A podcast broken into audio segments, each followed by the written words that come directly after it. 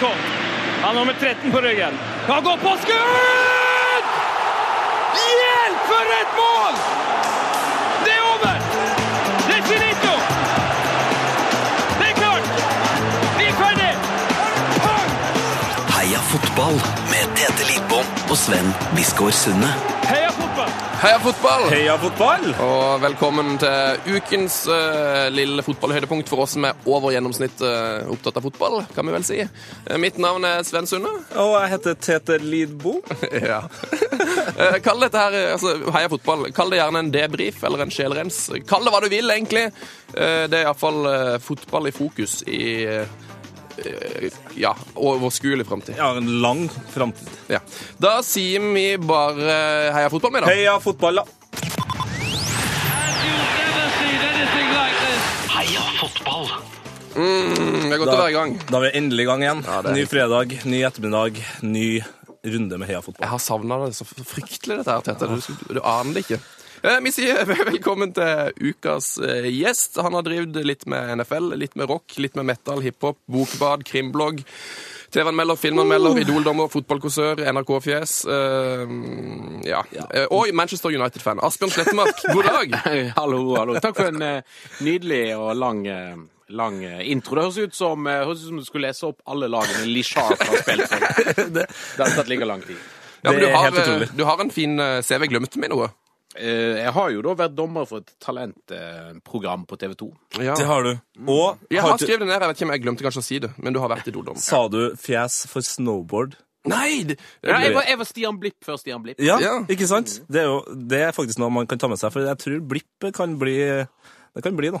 Ja. Det kan bli en annen. That kid is going places. Ja, absolutt. Men uh, når vi hører at du, er, du har, har så mange interesser, hvor, uh, på en måte, hvor plasserer du fotballinteressen i dette? her? Er, er du mer opptatt av fotball enn krim, for eksempel, eller? Ja, altså, tenker du sånn på en skala? eller? Ja, litt Ja, jeg vet ikke helt hvordan jeg, hvordan jeg skal stille Nei, altså, fotball er, nok, eh, er nok den interessen som har fulgt meg lengst. Um, altså, jeg ble jo fryktelig stor uh, Manchester United-supporter i veldig ung alder. Ja. Uh, før liksom den store, gloriøse 90-talls... Uh, eller det- 90-tallsdynastiet slo inn. Um, så er det nok det som har fulgt meg lengst, men jeg, skal, altså, jeg, um, jeg er ikke den som påberoper meg å være Norges største United-supporter. Um, og jeg vil si at i perioder altså har jeg vel kanskje vært oppe på åtte av ti.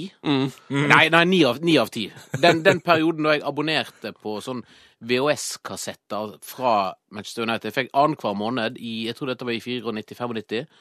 95 var det vel. Da abonnerte jeg på sånn VHS-kassetter fra United.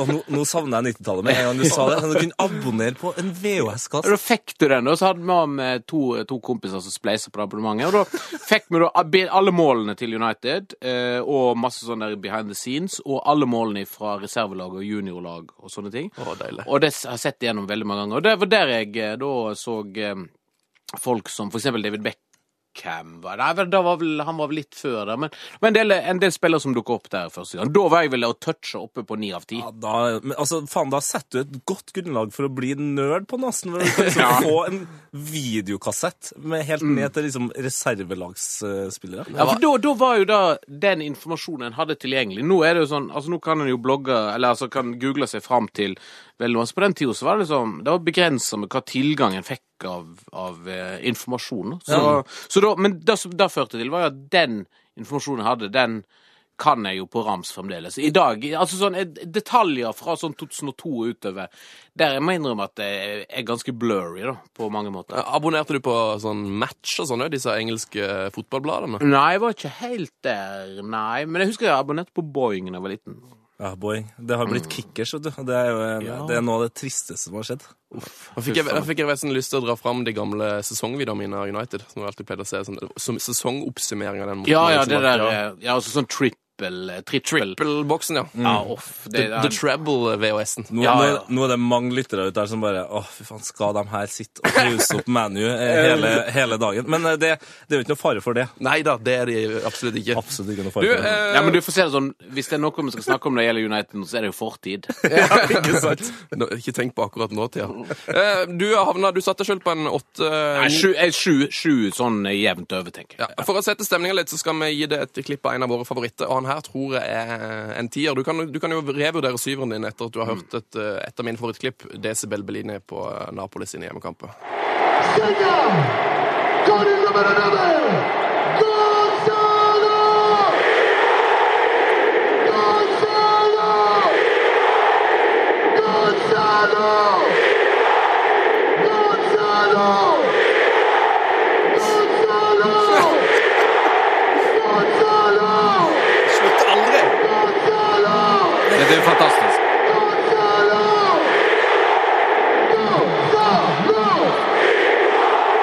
Et helt, helt vanlig mål i Champions League fra Gonzalo Higuain.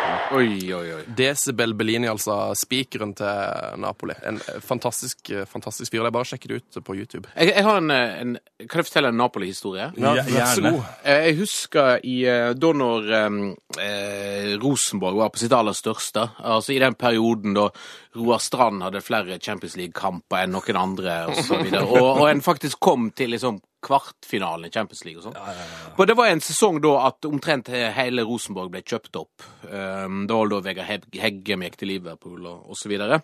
Brakstad dro til Ja, sant, ja, altså Derby. ja. da, men da var det jo at Erik, Erik Hoftun fikk jo da tilbud om å spille på Napoli. Er det sant? Ja, og, og da fikk vel han et tilbud om å spille på Napoli. Og da er det jo sånn da er jo skatten ferdig betalt for deg, og du fikk, han fikk vel et tilbud på åtte-ti millioner ferdig, og med et sånn skikkelig opplegg for liksom, familie og unger, ungene på internasjonal skole og sånne ting. Mens Erik Hofte nå, som den sånn trauste trønderen han var, så etter å ha tenkt seg litt om, sa han Jeg vil ikke at ungene mine skal vokse opp på en sånn plass. og så takker han nei til å spille på den heimebanen som vi nettopp hørte. nå, da. Det er så Erik Hoftun, det. Det som senere ble hjemmebanen til Steinar Nilsen, han var, han kaptein i to-tre år i Napoli. Ja, Jeg tror det, altså. Jeg tror han må, han må innom her en gang og, og snakke litt ball. Men det, den, det er jo litt sånn rockevibbe, det her, eh, Asbjørn. Ja, det der er jo helt, eh, helt eh, nydelig. Altså, det er jo få plasser i Altså egentlig i verden du får det, det volumet der. Det Italia er vel en av de plassene som jeg har, har eh, egentlig flest ganger hatt planer om å dra og, og se fotballkamp uten å ha fått gjort det. Hvor, hvor, hvilke land har du, har du holdt på å si turnert og sett fotball? Nei, jeg har, ikke, jeg har ikke vært veldig sånn omreisende fotballmann. Jeg har sett kamper i England og Skal vi se eh, England. eh, og så har jeg sett de selvfølgelig i Danmark, Sverige, Tyskland. Og så, men hør på dette, hold dere fast nå, da. Nå er jeg klar. Jeg har sett ligakamp i Damaskus i Syria. Oi, oi, oi! Jøsse navn! Og det er vel en plass som en eh, Det er god sjanse for at vi i vår levetid ikke kan dra der og se kamp igjen. Det er faktisk sant. Hvor mange var det på den kampen? Nei, det var ikke sånn eh, fryktelig Altså, Syria er vel ikke den største sånn Det er ikke sånn Italia-stemning eller sånn, men, men det er litt sånn, eh, litt sånn som baseball. De kjører sånn doubleheader. Oh, ja. Så det er sånn to kamper, da. Og så sitter jo da For det som skjedde med meg, var at jeg var ute og gikk Var i Damaskus. Dette var vel i Det var første gang jeg var der, i 1998. Tror jeg. Så bare spurte jeg i hotellobbyen om de visste om det var noe fotball, og ja ja, så fikk jeg, fikk jeg skrevet ned navnet på stadion på arabisk og ga det til taxisjåføren. Kjørte opp der, og så fant jeg ikke billettluka. Så jeg gikk rundt der, og så var det, hørte jeg at det var begynt på innsida. sånn. Så gikk jeg rundt, så kom jeg, så står jeg liksom og prøver å åpne ei dør, da. Så kom en fyr i dress bort til meg og sier sånn, unnskyld, men trenger noe hjelp? Og så sa jeg nei, fra Norge, og så har jeg hørt om fotballkamper, så har jeg lyst til å se kamp, liksom.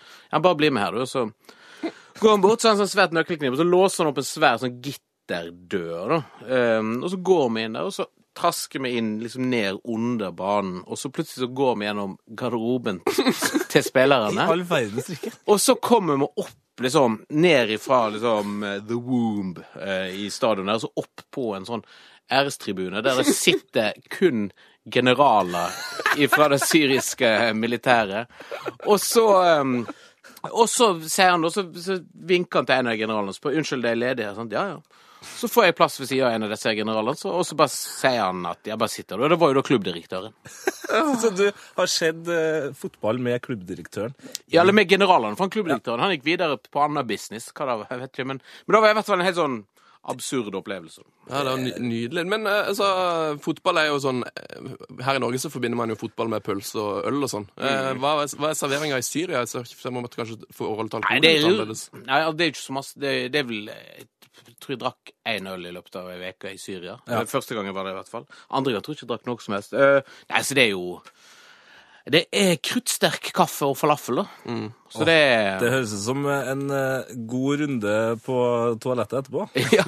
Nei, nei, altså, men eh, Nei, så det var, det var egentlig litt sånn klisjé, sånn som du forventer, da. Og med sånn sortmussede, litt sånn Gaddafi-lignende menn som satt og så sånn halvinteressert på kampen. Sammen med meg, da. Jeg tror kanskje du vinner det, liksom, den duellen her med en som har sett fotball på rarest plass. Har du noe å stille opp med, Tete? Eh, Jeg har jo selvfølgelig Jeg har sett kamp i Ghana, fordi eh, pappa er jo fra, fra Ghana. Og det huset som pappa først bygde i Ghana, det ble et klubbhus for en av topplagene i Ghana.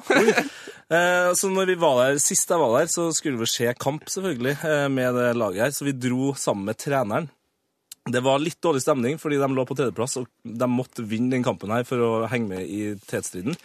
Kanskje 2000 eh, mennesker på den kampen. Aldri i mitt liv vært så redd som etter kampen. Fordi, Hvorfor det? eh, fordi eh, de tapte, og vi skulle sitte på med treneren, og det var jo lynsjestemning. altså, det, vi ble eskortert ned, altså springende ned fra tribunen før kampen var ferdig.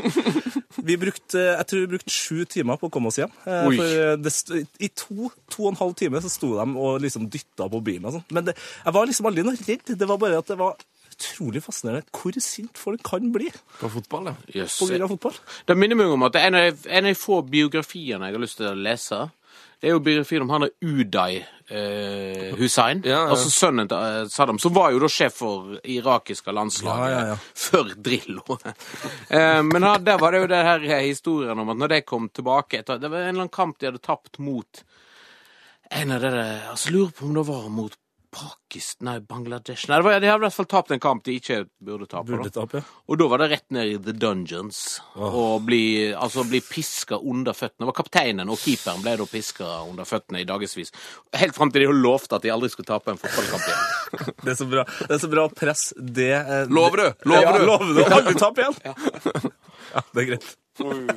Men hva, hvordan gikk den eh, sju, Altså Ghana? Ghana, ja. Nei, Ja. det, det, det gikk jo fint til slutt. Vi kom oss hjem, og, og de vant ikke serien. Og jeg tror de, ikke, de måtte bare hoppe ut fra hjemmet til Eller vårt hjem, da. eh, Klubbhuset. eh, Fordi det hadde de jo ikke penger til eh, når de ikke vant serien. Nei, nemlig. Eh, og så ble jeg jo selvfølgelig overrent av unge mennesker som hørte at jeg var fra Norge og gjerne ville spille på spill, på, spill i Norge. Ja, Spill på Rosenborg, Ja, liksom. ja, ja, for oh. dem, altså det, penger er utrolig viktig i Afrika, eh, altså fordi de har det jo ikke. Så det, det, det er liksom det de snakker om. Du kommer fra Norge, kan jeg få lov til å komme og bli med deg og spille på Strindheim, liksom?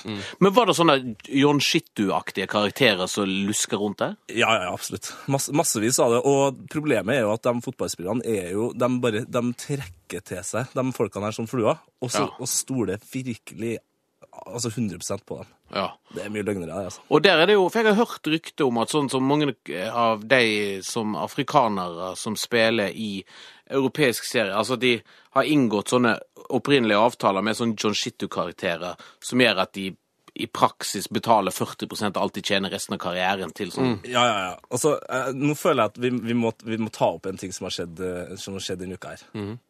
Fyr løs. Har du fått med deg? jeg vet ikke helt hva du sikter. Nei, for vi, vi, vi snakker jo om afrikanske spillere her. Og det er noe, det er noe voodoo-greier. Ja!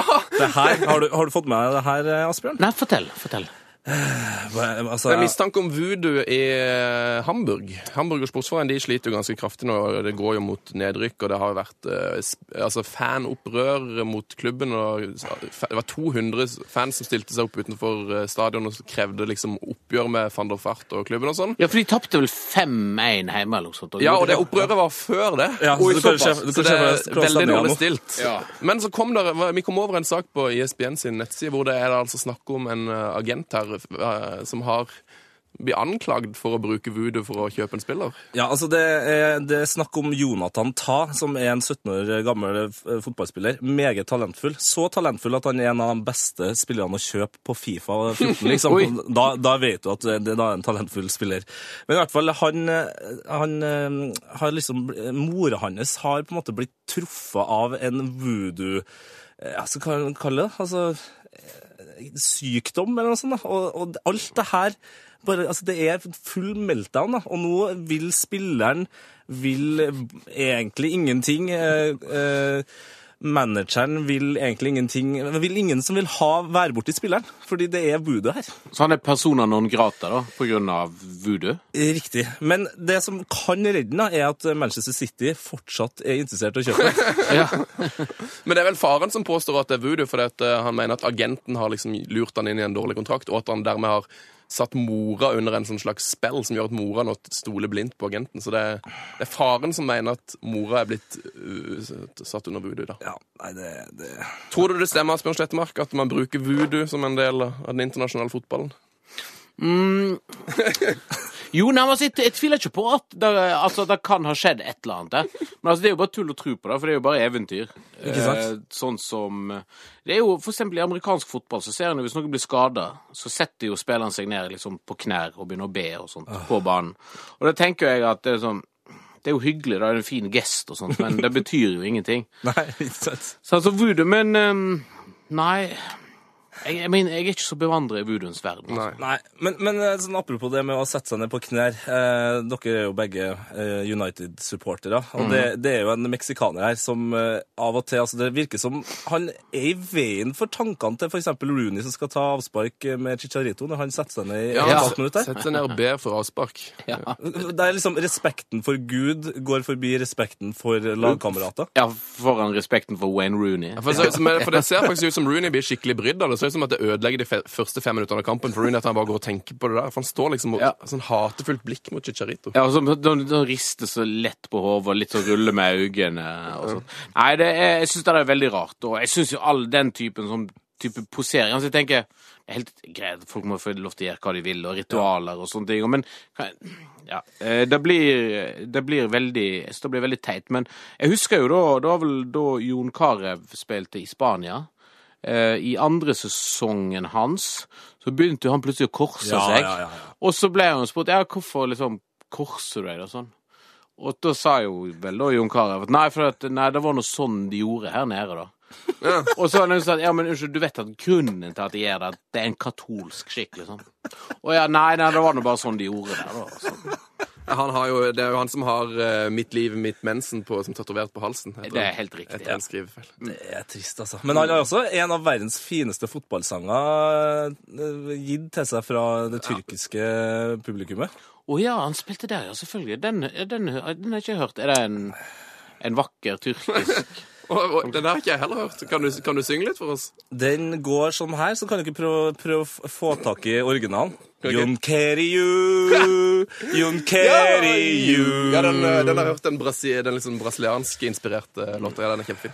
Men eh, Age of Aquarius, Ja. eh, som var Ja. usikker. eh, Asbjørn, vi har fått s- sagt klart ifra her om at du er United-fan, og at du er vel Brann-fan òg, regner jeg med, siden du er fra Jeg, ja, foretrekker Brann foran de andre. Har du noen andre lag? Ja, ja, nei Jeg har vel egentlig ikke Jeg følger litt med her og der. Jeg har jo da i amerikansk fotball så for, har jeg jo en liten sånn svakhet for Dallas Cowboys, som er jo på mange måter USAs eh, Manchester United, eller NFLs Manchester United, da. Eh, elsker mange og forhatt av enda eh, Enda flere. ja. Ja, ja, ja. Men sånn ellers, nei, jeg har vel egentlig det er vel United og og Brann. Men jeg husker da jeg var liten, så etter at jeg var United-supporter, så var det sånn viktig å ha et litt sånn andre lag i Altså det som var gamle andredivisjoner toppen. Og da husker jeg at jeg var veldig glad i Porsmouth.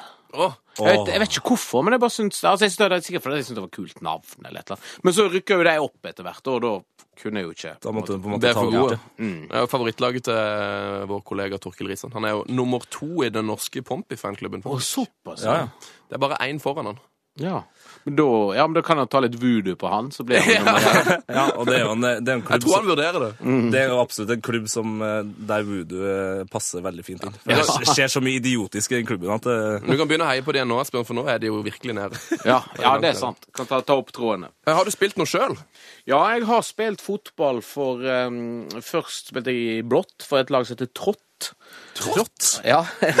Nå går det altså så trått. Ja, ja, men med O, da. Ja, ja, ok, Men allikevel, jeg er Trått. Trått, ja. Men en uttalte Trått, da. Og det, hvor er det fra? fra? Dette er da på, på Stord. Det er jo Stord. Det hadde en fire lag. da. Det var da eh, Stord, um, som spilte i hvitt. Eh, som da på den tida faktisk var helt oppe på andreplass i gamle andredivisjon, det som i dag er Adeccoligaen, på et tidspunkt. da. Eh, og så hadde en, For da han Brede Skistad var trener da, han som senere tok eh, gull med, med Start. Så hadde en Solid, eller Solid som det uttales, men kan så Solid. De spilte i rødt, og så hadde vi Trått, som jeg spilte på, i blått, og Fitjar, som da Fitcher, ja. ja, som spilte i grønt. Sånn irrgrønne drakter. Det var utrolig mye snodig navn ute på Stord der. Ja, det, er, Altså, det var masse snodig fotball òg. Fitjar er jo et av mine favorittnavn i hele, i hele norske Det er veldig classy. det er det. Og men når jeg flytta til, eh, da jeg flyttet til Husnes med, med foreldrene mine, så begynte jeg å spille for et lag som heter Trio. Som er en sånn sammenslåing av tre forskjellige bygder, da, som da ble til Trio. Trio, ja. Lekent navn. Hva, hvor på banen eh, spilte du? Hva, hva Jeg var har, spilt, jeg har faktisk spilt på de aller fleste eh, plasser, men eh, jeg, vil, jeg, vil, jeg var aldri noen stor fotballspiller, på, på ingen som helst måte. Men jeg vil vel tro at den beste innsatsen gjorde jeg vel kanskje da jeg spilte høyre back. Høyreback, ja. For jeg er ikke Jeg var ikke Jeg var, jeg var ganske Jeg er blitt litt kjappere nå, faktisk, i voksen alder. Jeg var, jeg var ganske treig da, men jeg, em, jeg eh, var Hvis jeg spilte mot sånn Mot ganske gode spillere, så kunne jeg være Jeg var flink å være veldig, veldig Spille veldig, veldig skittent. Du, er- så, du er på en måte sånn som Høgli var mot Ronaldo? Ja. Jeg har plaga og irritert, Men så er greia at når jeg da hadde spilt mot Jeg spilte mot de samme folkene og lagene i liksom, serien, så etter jeg har spilt mot et par-tre ganger, så er de sånn skjønt De figure me out, da. Ja, okay. Så, Så da, da runder de meg som en bøyle. Så du, eh, men så du liker du litt sånn hardtspillende spillere? Er, er typisk Roy Keane en av dine favorittspillere? Ja, eller selvfølgelig. Altså, det, men den store favorittspilleren Den store favorittspilleren er jo Det er fra et av mine første store fotballminner. Eh, jeg vet ikke om dere husker FA-cupfinalen i 1985? Det er da faktisk ett år før jeg ble født. Ja, såpass. Altså, jeg da er det ingen grunn til at dere skal huske den. Er det, men var det Whiteside? Helt riktig. Whiteside skårte i ekstraomganger. Eh, Men det, den kampen er jo kjent eh, historisk av én grunn. Og det er at det er første gang i FA-cupfinalens historie eh, at noen ble utvist. Og da var en herlig, herlig eh, forsvarsspiller på United som heter Kevin Moran, som oppdaga da på stillingen 0-0 at det kom en sånn stikkpasning altså over midtbanen. United sto kjempehøyt oppe. Så ser han at da faktisk selveste Peter Reed, som da vel var kaptein, tror jeg, var i hvert fall toppspiller på Everton, var på vei gjennom og da alene mot Gary Bailey, eh, sørafrikaneren i, i mål hos United. Og da ser han dette og bare tar det og setter inn en takling som Roy Keane altså ikke engang kunne drømt om. Det er den, altså Hvis dere går på, går på YouTube og så søker opp Kevin Moran FA Cup Final Tackle og bare, altså den, er- den er så drøy, den taklingen. Å, fy faen. Altså, den er, altså Det er som fem røde kort i dag. Og så da, da kom jo da, Dette var jo før de fikk røde kort i eh, England. Altså Den bare pekte på garderoben i gamle dager. Det er, så, det er så fint at det var sånn. Ja, og da, og da ser de at de peker på garderoben, og da, altså, United-spilleren blir genuint, genuint sjokkert. Og det, er- da ble han sendt i garderoben, og det var jo da vel Jeg tror at dronninga ikke ville hilse på Kevin Moran. Han fikk medaljen sin. etterpå. Så her var det masse, masse drama. Men er det Så Kevin Moran er da Han er en sånn type sånn spiller som jeg elsker. Da jeg, når jeg spilte, liksom, så lata jeg som jeg var Kevin Moran. Åh, det er fint. Det høres ut som et uh, skikkelig eh, s- styr å spille fotball mot en ung Asbjørn Slettemark. Ja, I sånn ti minutter så hadde du skjønt alt, og så var det bare å, Hopp over i litt taklinga. Ja, eller bare springe, bare springe rundt meg. Sånn, sånn lang, lang halvsirkel rundt. Så nådde jeg aldri fram. Men apropos disse her eh, United-spillerne på 80-tallet, de drakk jo så fryktelig, vet du. Ja, Eh, Paul Parker og Whiteside. ja, og- Whiteside var jo helt eh, enestående. Og Altså, ikke han- minst Paul McGrath. Ja, Paul McGrath var jo vel det. Ja, ja selvfølgelig, det var han jeg mente. Har, har du lest boka om han? Nei, jeg har ikke det. Er den verdt å Ja, den anbefales veldig, veldig varmt. Er det sånn bok om han, eller er- av han? Den er av han, ja. Han har et veldig fascinerende liv. Og han, han har blant annet en historie der som jeg tror er fra sånn 1987, hvor han og Norman Whiteside har vært og handla inn vin. Og da har Norman Whiteside kjøpt 87 flasker vin. Oi sann. Og når de står og stabler inn disse her flaskene i, eh, liksom i kjøleskapet, så kommer Ferguson, nyansatt trener i klubben, liksom bare på sånn ringerunde, hilserunde. Ja. Så da må de stæsje vekk all vinen. Og så bare sånn Hei, hei, kom inn. Ja, så hyggelig, hyggelig boss. Eh, ingenting, ingenting unomot her. Ingenting å se her, bare gå videre. Bare gå videre. Jeg har bare kjøpt 87 flasker vin, som han drakk opp på, sikkert på en måned. da. Ja, det, drak, det draktes hardt. Det var interessant, da, for det var jo den første liksom, store opprenskingen til, til Ferguson da mm. han kom til United. For da var det jo mange feterte stjerner, der, sånn som Norman Whiteside. Så det var rett før altså i, var vel, I 1982 så var vel han yngste spiller som skårte i VM eh, til da, for, for Nord-Irland. Og vant jo FA-cupen eh, som 20-åring for, eh, for United. Og da, men da, han var jo en av den type spillere som er stjerne som Ferguson nå måtte kvitte seg med. Han solgte han vel til Everton? hvis ikke Ja, det var, ja, Everton, ja. Og så Paul McGrath røyk, og etter hvert så røyk vel Gordon Strachan. Selv om det var litt ja. senere, så var det ikke samme opprenskings... eh, Nei, men han har gjort det, Ferguson. Eh, Han tok jo dem som. Han var god på å ta dem som drakk mest, altså Gordon Strachan. Ja. Nei, det har gått ned noen liter med alkohol eh, i det, i det store hodet der. Men han har jo eh, klart han, han er vel for øvrig Gordon Strachan er vel en av de få som um, Han har en eller annen sånn rekord, for jeg tror han og sønnen har spilt i en Premier League-kamp samtidig. Oi! Oi. Så da han var spillende manager for Coventry. Yes. Dette, jeg er ikke helt sikker på dette, men det, Det kan jo sjekke Jeg har hørt noe lignende om Teddy Sheringham. Han skulle vel legge opp når han hadde spilt sammen med sin sønn. Men jeg tror ikke sønnen ble god nok. Han spilte i lag med elskerinnen si, kanskje. Iallfall mange å velge mellom. Ja. Du, Asbjørn, eh, det var det veldig hyggelig å få høre litt om, eh, om ditt forhold til ballen. Nå skal vi snakke litt om aktuelle eh, saker. Heia fotball! Yes, du hører på Heia Fotball. Har du noe på hjertet der hjemme, eh, så kan du nå oss på e-post heiafotballkrøllalfa.nrk.no. Vi er jo på Twitter Ja, på Twitter, ja. P3 Heia Fotball. og på Instagram. Uh, Akkurat det samme. P3 Heia Fotball. Og der ligger det nå et uh, Vi har et prosjekt som er en sånn bildemiks-sak vi driver på med. Vi er, vi er altfor glad i ordspill, og så har vi luka tak i oss eh, Lars, som er veldig flink til å lage bilder. Ja. Og da setter vi bare i gang, vet du. Vi anbefaler alle der ute å stikke inn på Instagram eller Twitter og sjekke ut det siste bildet vi har lagt ut, som ligger der av Asbjørn Slette Markius. Eh, Der er det også, altså, du, du ser Asbjørn og Markus, men det ligner fryktelig på Kenny Powers. Har du noen gang hørt det før, Asbjørn? Nei, det har jeg aldri hørt før jeg ble da morfa med Mark Hughes. Ja, det er kanskje... For øvrig en annen, en annen stor helt av meg, da, altså Mark Hughes. Ja, ja flott for What's en not to like? Han var en veldig fin spiller. King of the volley. king of the volley. Uh, uka som gikk, nok en dårlig uke for Manchester United. Ja, dere har jo liksom eh, Dere var veldig glad og, og snakkesalig nå eh, før vi skulle snakke om det som har skjedd. Eh, Nå skal plastre av. Men vi må jo rett og slett snakke om den eh, storkampen, for det, eller det, på en måte navnene var store i hvert fall. Eh, Arsenal, Man U. Eller Manchester United, eller United som jeg kaller det. Ikke sant? For det, det, Må ikke jeg- si ManU. Nei, jeg hører rykter om at det er utrolig dårlig gjort å si ManU, mm. så derfor gjorde jeg det med vilje. Men ja, hva, altså den kampen Jeg så jo den som objektiv eh, supporter av bare fotball, Ja. og da tenkte jeg nå har jeg lyst til å se på noe annet. Nå har jeg veldig lyst til å se på noe helt annet. Ja, det er jo litt sånn det er den Men det er litt interessant, for at eh, akkurat den følelsen der, den følelsen av å se på jeg, For å bruke et, et litt døvt, eh, dølt uttrykk, da. Altså å se på fotball som ikke er spesielt sexy. Det er egentlig en følelse som jeg har hatt eh, med United eh, de to foregående sesongene òg. Jeg har en følelse av at jeg ikke ser på noe som er spektakulært. Jeg har, ikke, jeg har følelsen av Altså Kanskje vi skal beskrive det mest. Jeg, jeg, i, før, for eksempel da en hadde Cantona, eller Beckham, eller Ronaldo, eller Kanchelskis? Eller Kanselskis, sant? Ja, altså, Lee Sharp. ja, ja men òg Lee Sharp. Ja, I det lille kvarteret det fungerte, så var det Ja, helt nydelig. Det, men da satt du der med følelsen at uansett hvor kjedelig det var, så sitter du med en sånn, sånn farefølelse av at et eller annet Nå skjer det. nå kan det skje. Altså, du ser, hvis bare Ronaldo for eksempel fikk ballen, så tenkte du altså nå kan det skje et eller annet. Eller hvis det ble frispark innenfor 40 meter, og du så David Beckham begynte liksom, liksom begynte å bli svart i øynene, så skjønte du at nå kan det faktisk skje et eller annet. Men den følelsen den har en hadde en litt i forrige sesong med van Persie.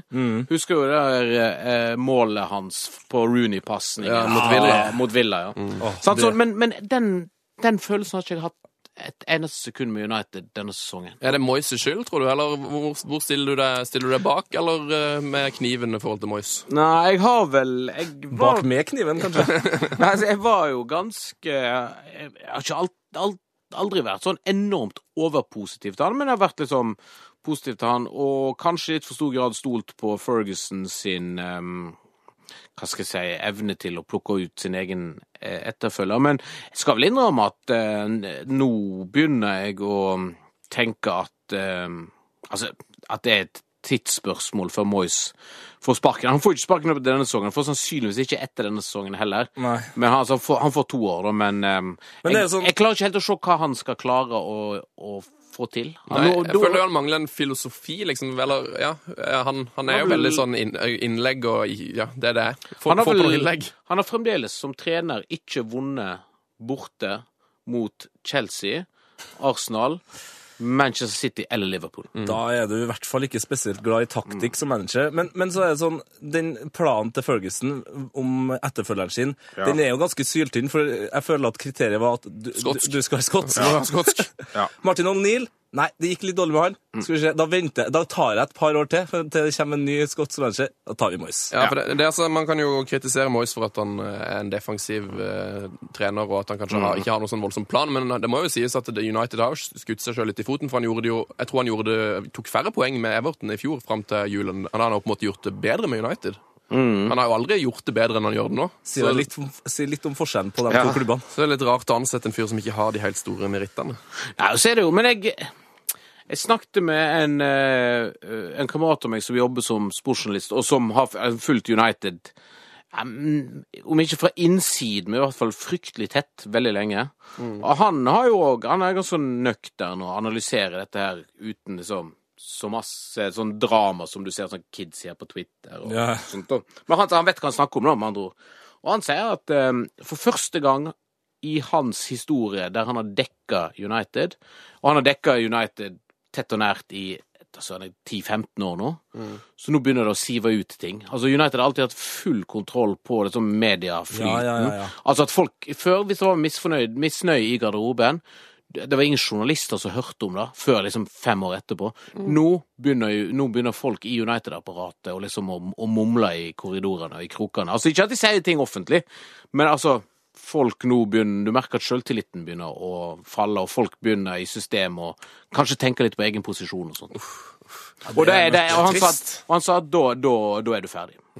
Ja, for nå er det jo Vidic eh, forsvant jo. Eller, Han har ikke stikket ennå, men han har jo på en måte forlatt skipet. Og Ja. det virker som Evra, og det, så det er mange som er litt sånn, litt sånn ferdig. Det er ikke noe spesielt god uh, situasjon for å bygge et mesterlag, liksom. Nei, altså i forhold til Vidic Jeg må bare si en ting at uh, Jeg syns at måten han eh, da har orkestrert Hva skal jeg si Regissert sin adgang, eh, sin farvel for klubben, har vært til etterfølgelse. Et eksempel til etterfølgelse. Altså ganske sånn Skriver åpent brev til fansen, og sier at etter denne sesongen så er jeg ferdig i klubben. Tusen takk for meg.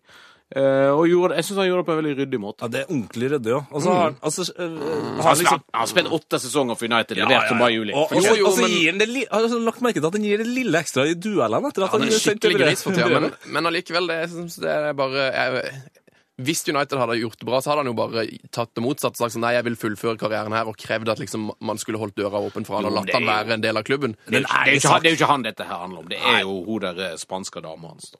Ja, sant. Ja, ikke sant. Ja, altså, for å si det sånn, Har du vært i Manchester? Det er, Det er jo ingen- Det er jo det en blomsterbygd. Det er sant, det. Ja, altså, Hvis jeg skal være helt ærlig, da og Dette er vel sånn som kanskje ikke United-supportere syns er så kult at en sier, da, men jeg tenker at hvis jeg hadde hatt muligheten til å tjene 10-15 millioner kroner hvor som helst i verden, så er ikke nødvendigvis Manchester den første plassen jeg hadde valgt eh, å, å finne meg arbeidsgiver. Nei, Da nå holder, snakkes da det holder jeg veldig med deg, Jasper. ja, det snakkes om Roma eller Milano som neste hjemby. Det er ikke, ikke Milan som er Jeg tror det var Ja, Inter altså. som er veldig Som det er vel mer eller mindre sikkert. Det er snakk om Roma òg. Altså, eh, United er jo en eh, kulere fotballklubb enn noen av de andre, men sånn, sånn, jeg skal være ærlig og si at Roma Nei, Jeg tror heller jeg ville bodd der enn Manchester, hvis jeg kunne velge. Og de har så fin drakt òg. Men mm. nok om det. Eh, vi har fått et spørsmål til deg på Twitter, Asbjørn, fra en som heter, kaller seg Forsberg. Eh, og han eh, lurer på om, eh, om Solskjær kommer til å rykke ned for Premier League. Og om det er sånn at vi ender opp med bare Jonathan Parr i Premier League neste år som nordmann. Ja, For Hangeland er jo på god vei ned. Han er også på vei ut av laget, faktisk. Uh, nei, altså om tror så Altså, jeg har litt følelse av at hva det frykker ned. De plukker jo forsiktig poeng. Nå tok jeg en seier, og så var det vel en En uavgjort forrige helg, eller noe i, var det i veka da? Ja, uka Ja, her er en en fin uavgjort. Så et plukk altså, Men i den posisjonen så må en jo ta med seg det en får av, av poeng. Selv om det var, det var vel hjemme mot Aston Villa. Ja, sånn som en, kanskje en kamp en burde Og så hadde de, en, de hadde bygd en mur i mål. Keeperen var jo verdens beste keeper. Ja. Redda alt. Men ved hvilke tre lag tror du rykker ned? Cardiff? Mm. Fulham òg, kanskje? eller? Um, ja, jeg tror Cardiff, Fulham og Nei, jeg er faktisk ikke helt sikker på, på tre. Jeg, jeg, jeg, altså, Sunderland Ja. det, det, det er ikke noe mye Altså, De har kommet seg, de har kommet seg litt nå, men det er jo kjempeform. Men han har liksom to seire Nei, tre seire på de siste fem, eller noe sånt. Men, men det er bare sånn Det er en klubb med Det er så dårlig stemning der. Det er, en, det er jo en klubb Det er jo en klubb med tapertradisjoner. Ja, altså, i hvert fall når du liksom samla inn en del sånn sure italienere som på en måte egentlig ikke har lyst til å være der. og Mm. det er sånn, ja, ok, De spiller litt bra fotball nå, men tvert de går på liksom et surt tap igjen. Så skal jeg love deg at det er ikke en italiener i den klubben som gidder å gi noe ekstra for å ikke rykke ned. Men når du ser tre av de fem siste kampene hans i serien, så er vel faktisk to av dem mot United, hvis jeg ikke tar helt feil. Ja, det er sant. Det sier jo litt om, altså. Tenk hvis noen hadde sagt da liksom for tre år siden at ja, Sunderland kommer til å gå på en stjernerekke og ta to kjappe seire mot Manchester United. Ja, Det er helt uvirkelig. Eh, hvis vi skal snakke litt om italiensk fotball, eh, Tete, som du er veldig glad i. Det har skjedd ting der òg i uka som gikk. Det har jo skjedd, det har skjedd noe der. Eh, Adel Tarapt kom jo eh, overraskende nok til Milan, min favorittklubb. Og hva gjør han? Han skårer et kjempemål etter seks-sju minutter. Antakeligvis det siste målet han kommer til å skåre i Milan. eh, Min spådom. Men Eh, Det er en veldig grei spådom. Altså, det her er jo en fotballspiller som eh, har blitt hypa opp av folk mye pga. FM-statistikk mm. eller Fifa-statistikk. Han har liksom aldri Altså, han har sett litt spennende ut. Mm. Kanskje akkurat det Manchester mangler av og til. Men, eh, men han er jo ikke en god fotballspiller, og Milan tapte jo 3-1 mot Napoli, som virkelig er i døtten, altså. Gonzalo Higuain, to mål. Kanskje, er den, kanskje den eh, artigste verdens beste spiss. ja, men han er sånn, sånn som uh, Når vi først har eh, Manu- Manchester-supportere her, nå, så er det sånn, han minner meg om uh, Nistelrooy, ja. Fordi det er så enkelt. Det er liksom Det å score er sånn Ja, ja. Bare putt den, da. Jeg husker Van Nistelrooy har jo sånn sjuk statistikk. Jeg tror at han av de Jeg tror han skåret Jeg husker ikke akkurat tallene, men av de liksom 100 første målene han skåret for United, så var vel 99 av det innenfor 16-meter. Ja, ja. Ja, ja, ja. Ett et mål fra 17 meter, tror jeg. Ja, og så et- av de igjen 99, så er det sånn halvparten av det innenfor 5 meter. Ja, det er nydelig. Det er min, eh, en av mine favoritt-funfacts som er villere enn det, det er jo den om han eh, Hva het han meksikaneren som spilte i Real Madrid på 80-tallet? Eh, Hugo Hugo Sanchez. Hugo Sanchez, Han skåret jo 38 mål for Real Madrid i en sesong, og alle målene var på første touch. Han brukte 38 touch på å skåre 38 mål. Det er ganske fin Det er relativt eh, bra. Vet du hva som er mitt favoritt-fun fact om engelsk fotball? Nei. Dette er faktisk fra gamle P3-programmet FK Fotball. Det var en leser som sendte inn. At da Hull City rykka opp til Premier League, så var det første laget i Premier Leagues historie der du ikke kunne tegne inni noen av bokstavene. Det er en kjempe-fun fact. Ja. Helt idiotisk. ja, for det er ingen, det er ingen, Det er ingen- A eller P eller hva det er. Eller Hull O eller noen ting. Nei, nei, Hull City. Hull City Tigers. Du, eh, Tenk, apropos tenk, det, tenk, som, tenk av det som faktisk du har sittet og funnet ut. Ja, finne på det, ja. Du, apropos uh, fun facts. Uh, vi har, uh, det er en som har hviska oss i øret at eh, du en gang har klart å sette fast Arne Skeie Ja. i en, på en uh, faktating om engelsk Det er veldig hyggelig at det ryktet begynner å bre seg. Ja, vi, vi, vi, skal vårt, vi skal gjøre vårt aller beste for å få det Nei, Vi skal i hvert fall nevne det Vi skal de neste traile tre, det på radioen. Ja, vi trailer det. Men det, det henger faktisk sammen med den Kevin Moran-historien. For um, jeg diskuterte med Arne Skeie Det var backstage på et eller annet sånn arrangement som jeg var med på. Sånn lansering av uh, så Frode Øverli Pondus. eh, og da mm, diskuterte vi den her 85-cupfinalen. Og da spurte han meg først eh, ja, du, du, ja, du vet hvorfor den er historisk? jeg. Ja, det er jo på grunn av Uh, på grunn av at uh, Kevin Moran Nei, det begynner med første utvisning noensinne, da, og sånn, og så var jeg litt sånn, diskuterte vi litt sånn Ja, jeg, eller jeg spurte uh, Anne Skeid. Ja, ja, du Nei, han spurte meg, da. Ja, ja, for du vet jo hvem som ble utvist, sant? Så sa ja, det var Kevin Moran, selvfølgelig.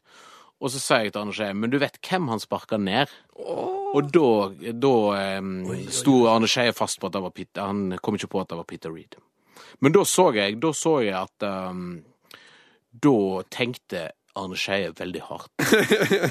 Hvordan ser Arne Skeie ut når han tenker veldig, veldig hardt? Fjeset. Nei, nei, litt sånn blinka litt kjapt. Og Ja, sånt. for han, det- ble, altså, han var ikke sånn, han ble ikke sånn surirritert. Men jeg, han ble mest, jeg tror han ble mer, mest av alt sånn genuint lykkelig over at han kunne f føre inn en til ting om fotball i det store skjemaet han har i hodet. Nå lærte jeg meg For å si det sånn, han, han, nå kan han det. Jeg var, jeg var jo i ferd med å slette hele harddisken eh, til Arne Skje sist jeg var i Marienlyst-kantina. For jeg, jeg takla jo han. Eh, han holdt på og gikk i bakken. Altså, jeg, det er noe av det verste jeg har opplevd. Jeg var så redd for at jeg skulle eh, gi han eh, Hvorfor gjorde du dette, da? Nei, jeg sto i salatbaren, eh, og så står han bak og putter, seg, altså putter en kaffe. Og så er det ei som er litt aggressiv. De er veldig aggressive i, salatbaren på Marienlyst. Så hun dytter meg litt, så jeg skal ta et steg tilbake. Foten min går mellom beina på Arne, og skal jeg liksom trekke den ut igjen. Og da takler rett og slett Oi. Arne Skje. Får tak i den.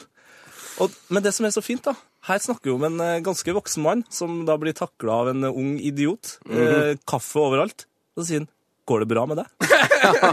For en nydelig mann. Det vil jeg kalle for en gentleman. Ja, han er en ordentlig gentleman. Ja, virkelig. altså. Jeg, er vel, um, jeg, jeg blir fremdeles starstruck når jeg treffer Arne Skeie sånn Enten ved å jobbe litt for sporten og, og, og sånt, eh, og da når jeg treffer han nede i sportslokalene, så blir jeg liksom, jeg blir elleve år igjen. jeg. Litt shaky. Ja, ja, rett og slett. Jeg har sett et nydelig intervju med Arne Skei hvor han blir spurt om han, eh, hva slags forhold han har hatt til Neil Young.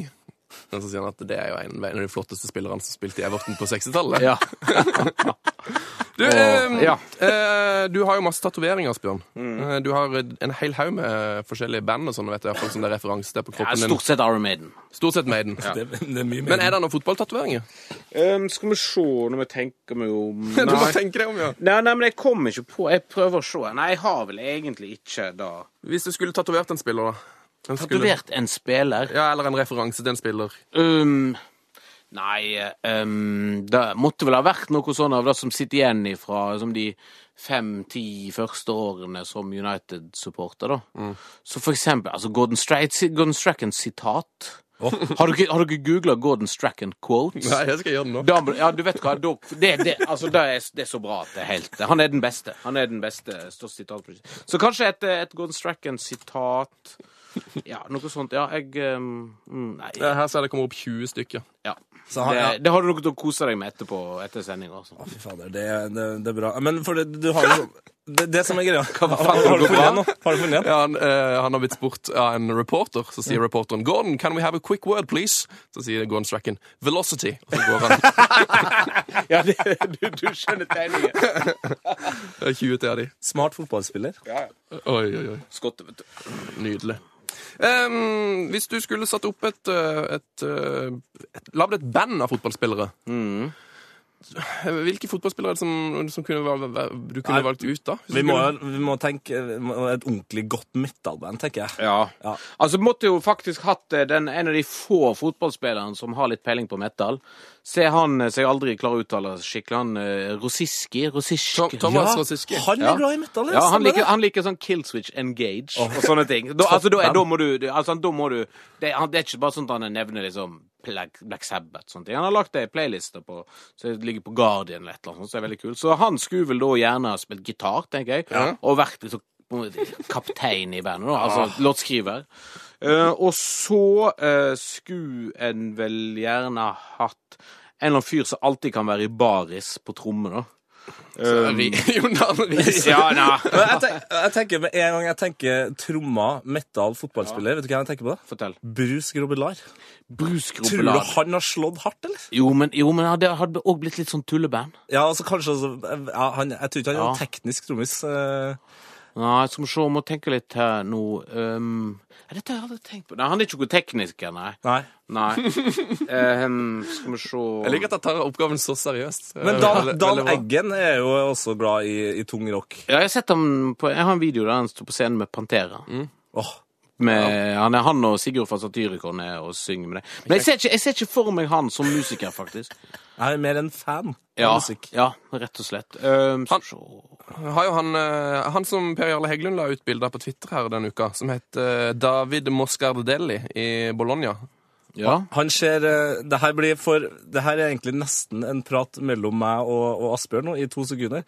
Han ser ut som Andy Williams fra Every Time I Die. ja, det er sant. Det er et godt utgangspunkt. Ja, veldig godt. Ja, for han har jo altså, der, der, der alle der hjemme der må google altså David ja. Moscardelli fra Bologna. Han har altså en sånn nydelig look. Masse skjegg og bart. Bart, og ordentlige tatoveringer, ikke fotballtatoveringer. Kan jeg foreslå han som, eh, som vokalist? Ja. Ja, er, den, den, den, den er med på. Så vil jeg ha, eh, Brian Kidd på keyboard. Brian Kidd på keyboard! Mm. Eller, eller han så jo ut som en liten han, Jeg, jeg, jeg synes det er så irriterende, for han så jo alltid ut som en liten unge.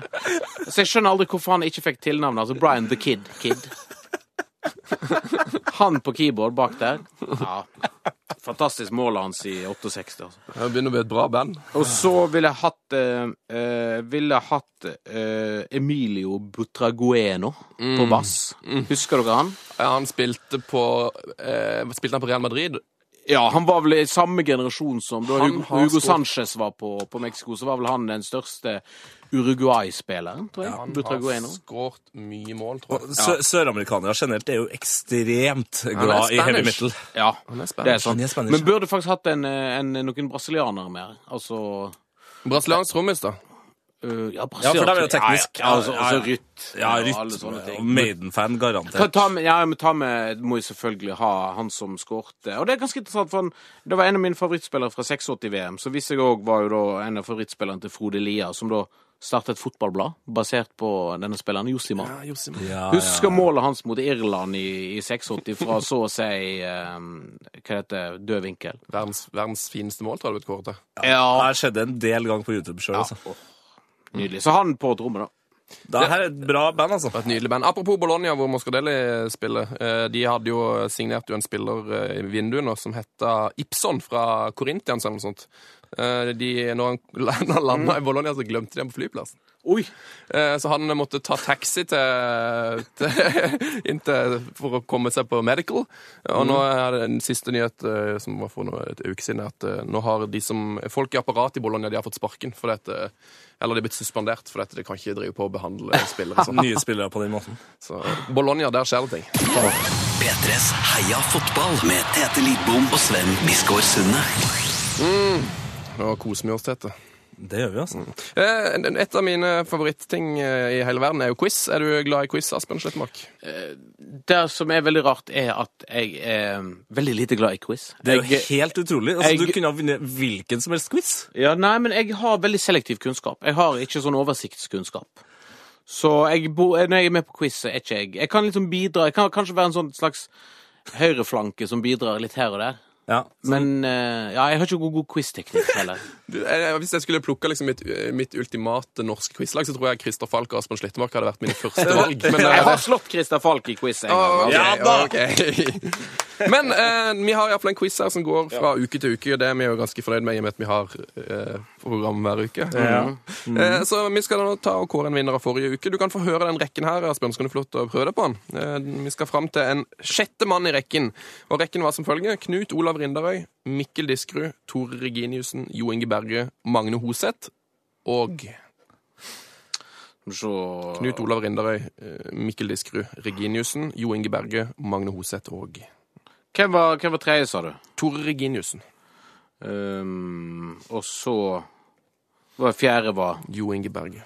uh, Jeg vet ikke, jeg er så blank her at du aner det ikke. Jeg, Eh, jeg slet jo også veldig med den her sist uke. Men jeg har begynt, og det har begynt å demre for meg, altså. um, Hvis jeg sier at det har noe med en, en, en svært viktig kamp i norsk fotball å gjøre siste uh, året. Å ja. Så det er en av kvalikkampene, da, kanskje? Nei. Og en viktig Å ja, nei, selvfølgelig. Ja, altså, det er jo Det er Molde-Rosenborg. Ja. Oh, er, nå vet jeg hvorfor jeg har Nå, nå jeg vet jeg, nå vet jeg men hvorfor er det, jeg for- jeg er det, cup, er det cupfinalen? Det er cupfinalen, vet du. Ja, er dette da Hva er connection? ja, Connection? Nei, det er jo ikke Er det skåringsrekka? Nei. Yes, it is. Det Og er da blir sjette Da blir jo han der Han som er kanskje Han som ifølge Rosenborg-supporter jeg kjenner, er den som er enda mer ufyselig enn Magne Hoseth. Riktig. Altså, den mannen her eh, Hvem er var det som skåret det siste målet, da? Det var han som kom innpå, da. Ja, altså, jeg har lært mye av pappa, men en, en viktig ting jeg har tatt med meg videre i livet, det er at folk som har øynene for nære hverandre, må man aldri stole på. Ja, Sånn som i 'Piknik med døden'. Riktig. Og den, den karen her, han har øynene veldig, veldig nære. Men hva heter han for noe? Ja, nå er jeg eh, helt eh, Det er jo f- sør... Eh, men når det er sagt, når jeg kalte Magne Hoseth ufyselig, så syns jeg jo faktisk at eh, den cupfinalen her Så er jo faktisk eh, Jeg har sett litt med nye øyne på Magne Hoseth. Ja, han, har, han, Han har blitt har voksen. kommet seg, Han har blitt altså. en fin, fin spiller. Ja, ja. Det, var, det er vel også som en eh, kaller Det er vel en sånn anledning å bruke ordet verdig. Mm, absolutt. Eh, men skal vi se Nei, jeg er helt uh... Men du er, jo, du er jo inne på at du kommer bak på navnet. Ja. Det er en ærlig sak.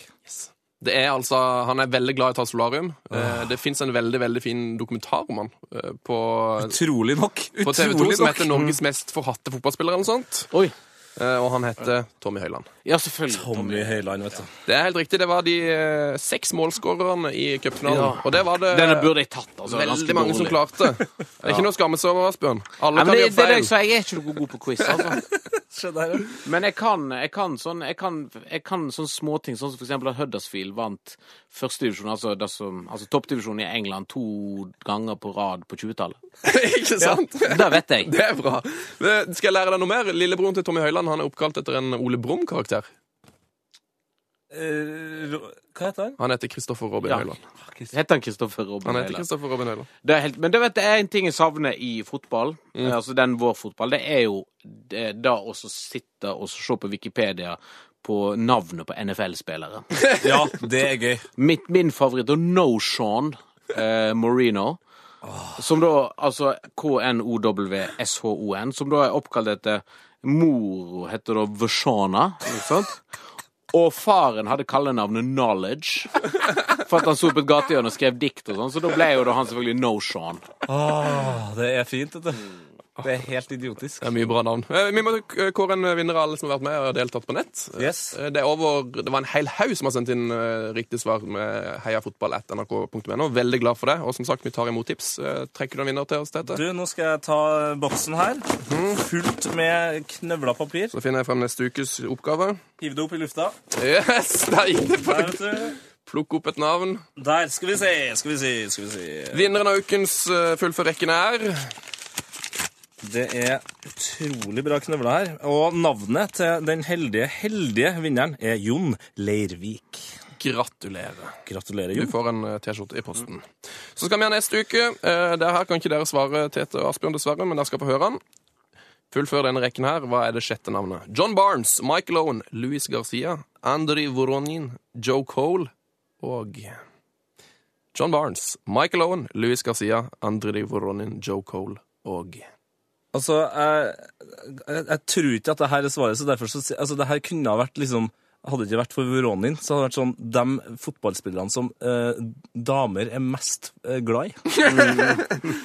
Ja, det er mye kjekke menn der. Kanskje ikke Owen hadde voldsomme draget, men han, det er men feil, han var, men han var feil. populær Ja, blant ja, ja. eh, damene. Det er klart han var populær.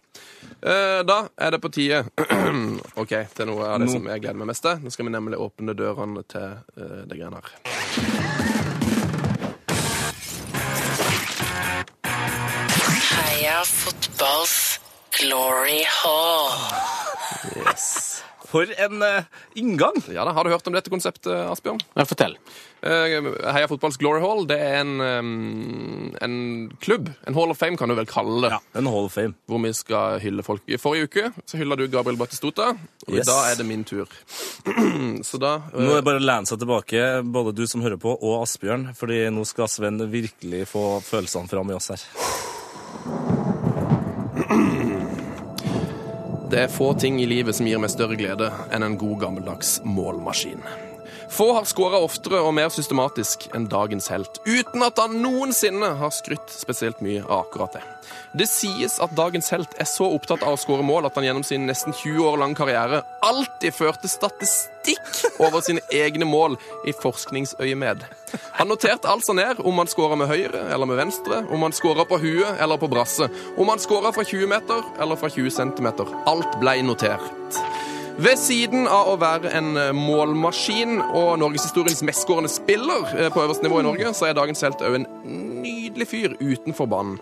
Han er beskjeden, han er høflig og rolig, og på mange måter det motsatte av det man forbinder med egoistiske målsniker. En mann som ofte starter svarene sine med 'Nei, det gikk vel bra i dag også', eh, og som alltid tok og feira sine 172 mål i Norge med å løfte én finger i været. En nydelig liten gest. En liten beskjeden gest. Han skårer altså 172 mål på øverste nivå her hjemme. Han skårer mer enn annenhver kamp for Austria Wien. Skåra syv deilige mål for Norges landslag, og vi må aldri glemme at han skårte 67 mål på 66 kamper for Rosenborg. Satan. Dæven, for en spiller du var, Sigurd Rushfeldt. Takk for at du berika livet mitt med ditt beskjedne smil. Og på den herrens dag, 14. februar 2014, så løfter vi én finger i været som en hyllest Yes. til det Sigurd Rushfeldt og sier velkommen skal du være i vår Glory Hall. Siggen Rushfeldt, altså. Siggen Rushfeldt. Velkommen. Ja, eh, er du, har du noe forhold til Sigurd Rushfeldt? Asbjørn? Jeg er veldig glad i denne klassiske spissen som han var. Samtidig som altså, han var jo, han var jo en, en eh, god tekniker, men òg litt sånn kraftspiss. Så hvis jeg, hvis jeg skal tenke på spillere som han minner meg om, Sigurd Rushfeldt eh, så er det jo Alan Shearer. Ja, ja, ja, Både i måten å score på, men òg i feiringa. Veldig sånn enkelt. Litt sånn old school. Du vet den er én finger i været, og så hopper litt sånn, et lite sånn sprett, sånn som Alan Shearer gjorde. Sånn, litt sånn 50-, tidlig 60-tallsfeiring. Til alle, til alle unge lyttere ut der. Se heller på han når du skal feire, enn uh, Daniel Sturridge. Ja. Eh, Asbjørn Slettemark, det har vært en ære å ha deg. Det var kjempehyggelig. Det var kjempe, kjempekoselig. altså Hyggelig å prate fotball med dudes. Det her må vi gjøre en gang til. Ja, ja. ja, ja, ja. God helg og heia fotball! Heia fotball! Heia fotball! P3s Heia fotball. Ny episode hver fredag. Last ned din nye favorittpodkast på p3.no podkast. P3.